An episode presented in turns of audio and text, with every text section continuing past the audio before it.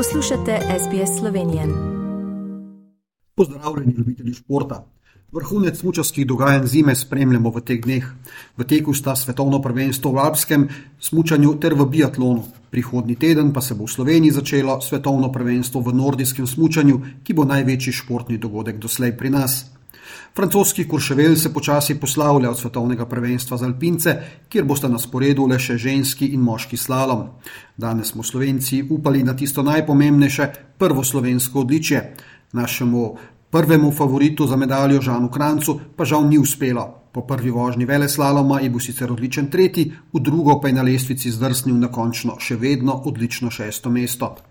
Podobno se je razpletla tudi ženska smukaška preizkušnja, čeprav se je potihoma želela še tretje medalje v smuku na tretjem zaporednem svetovnem prvenstvu, to žal ni uspelo Ilki Štuhec, ki je tako kot Kranjec osvojila šesto mesto. Blizu medalje, ločilo ga je le 26 stotink, pa je bil smukač Miha Hrobat, ki je moško smukaško preizkušnjo sicer končal na osmem mestu, a bil zelo blizu velikemu presenečenju.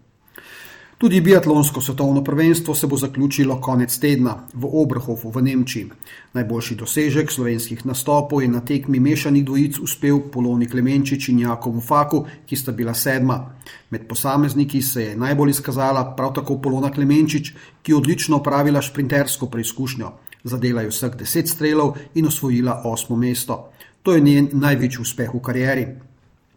Ana Marija Lampič, ki je pred letošnjo sezono iz tekaških vrst prestopila med biatlonke, na stopni uspel, saj je osvojila le 58. mesto.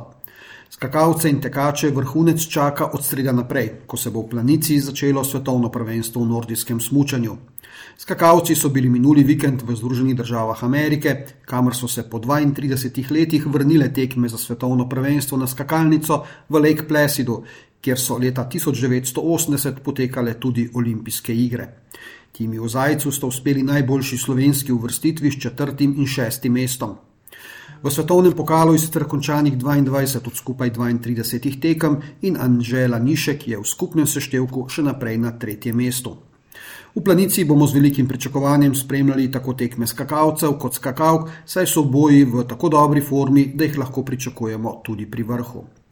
Čeprav smo še februarja, pa so v pogonu ponovno že tudi najboljši slovenski kolesari. Tadej Pogačar je sezono 2023 začel na najboljši možen način. Z izjemno predstavo in samostojno vožnjo v zadnjih 36 km je dobil enodnevno dirko klasika Žan Paraso Interior v Španiji.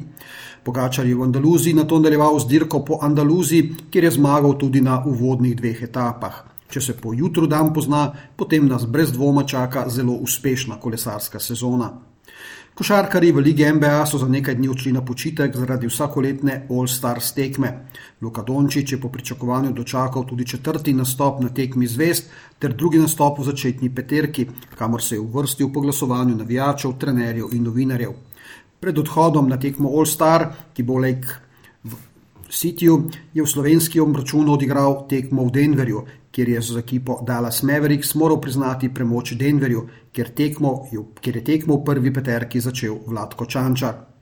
Rokometaši celja Pivovarne Laško nadaljujejo s tekmami v Ligi prvakov. Najprej so v gosteh pripravili presenečenje in z golom v zadnji sekundi premagali Nant, potem pa so še večjemu presenečenju bili zelo blizu na domači tekmi z Barcelono, kjer so vodili celotno tekmo, žal pa na to izgubili za gol s preobratom prav v zadnjih minutah.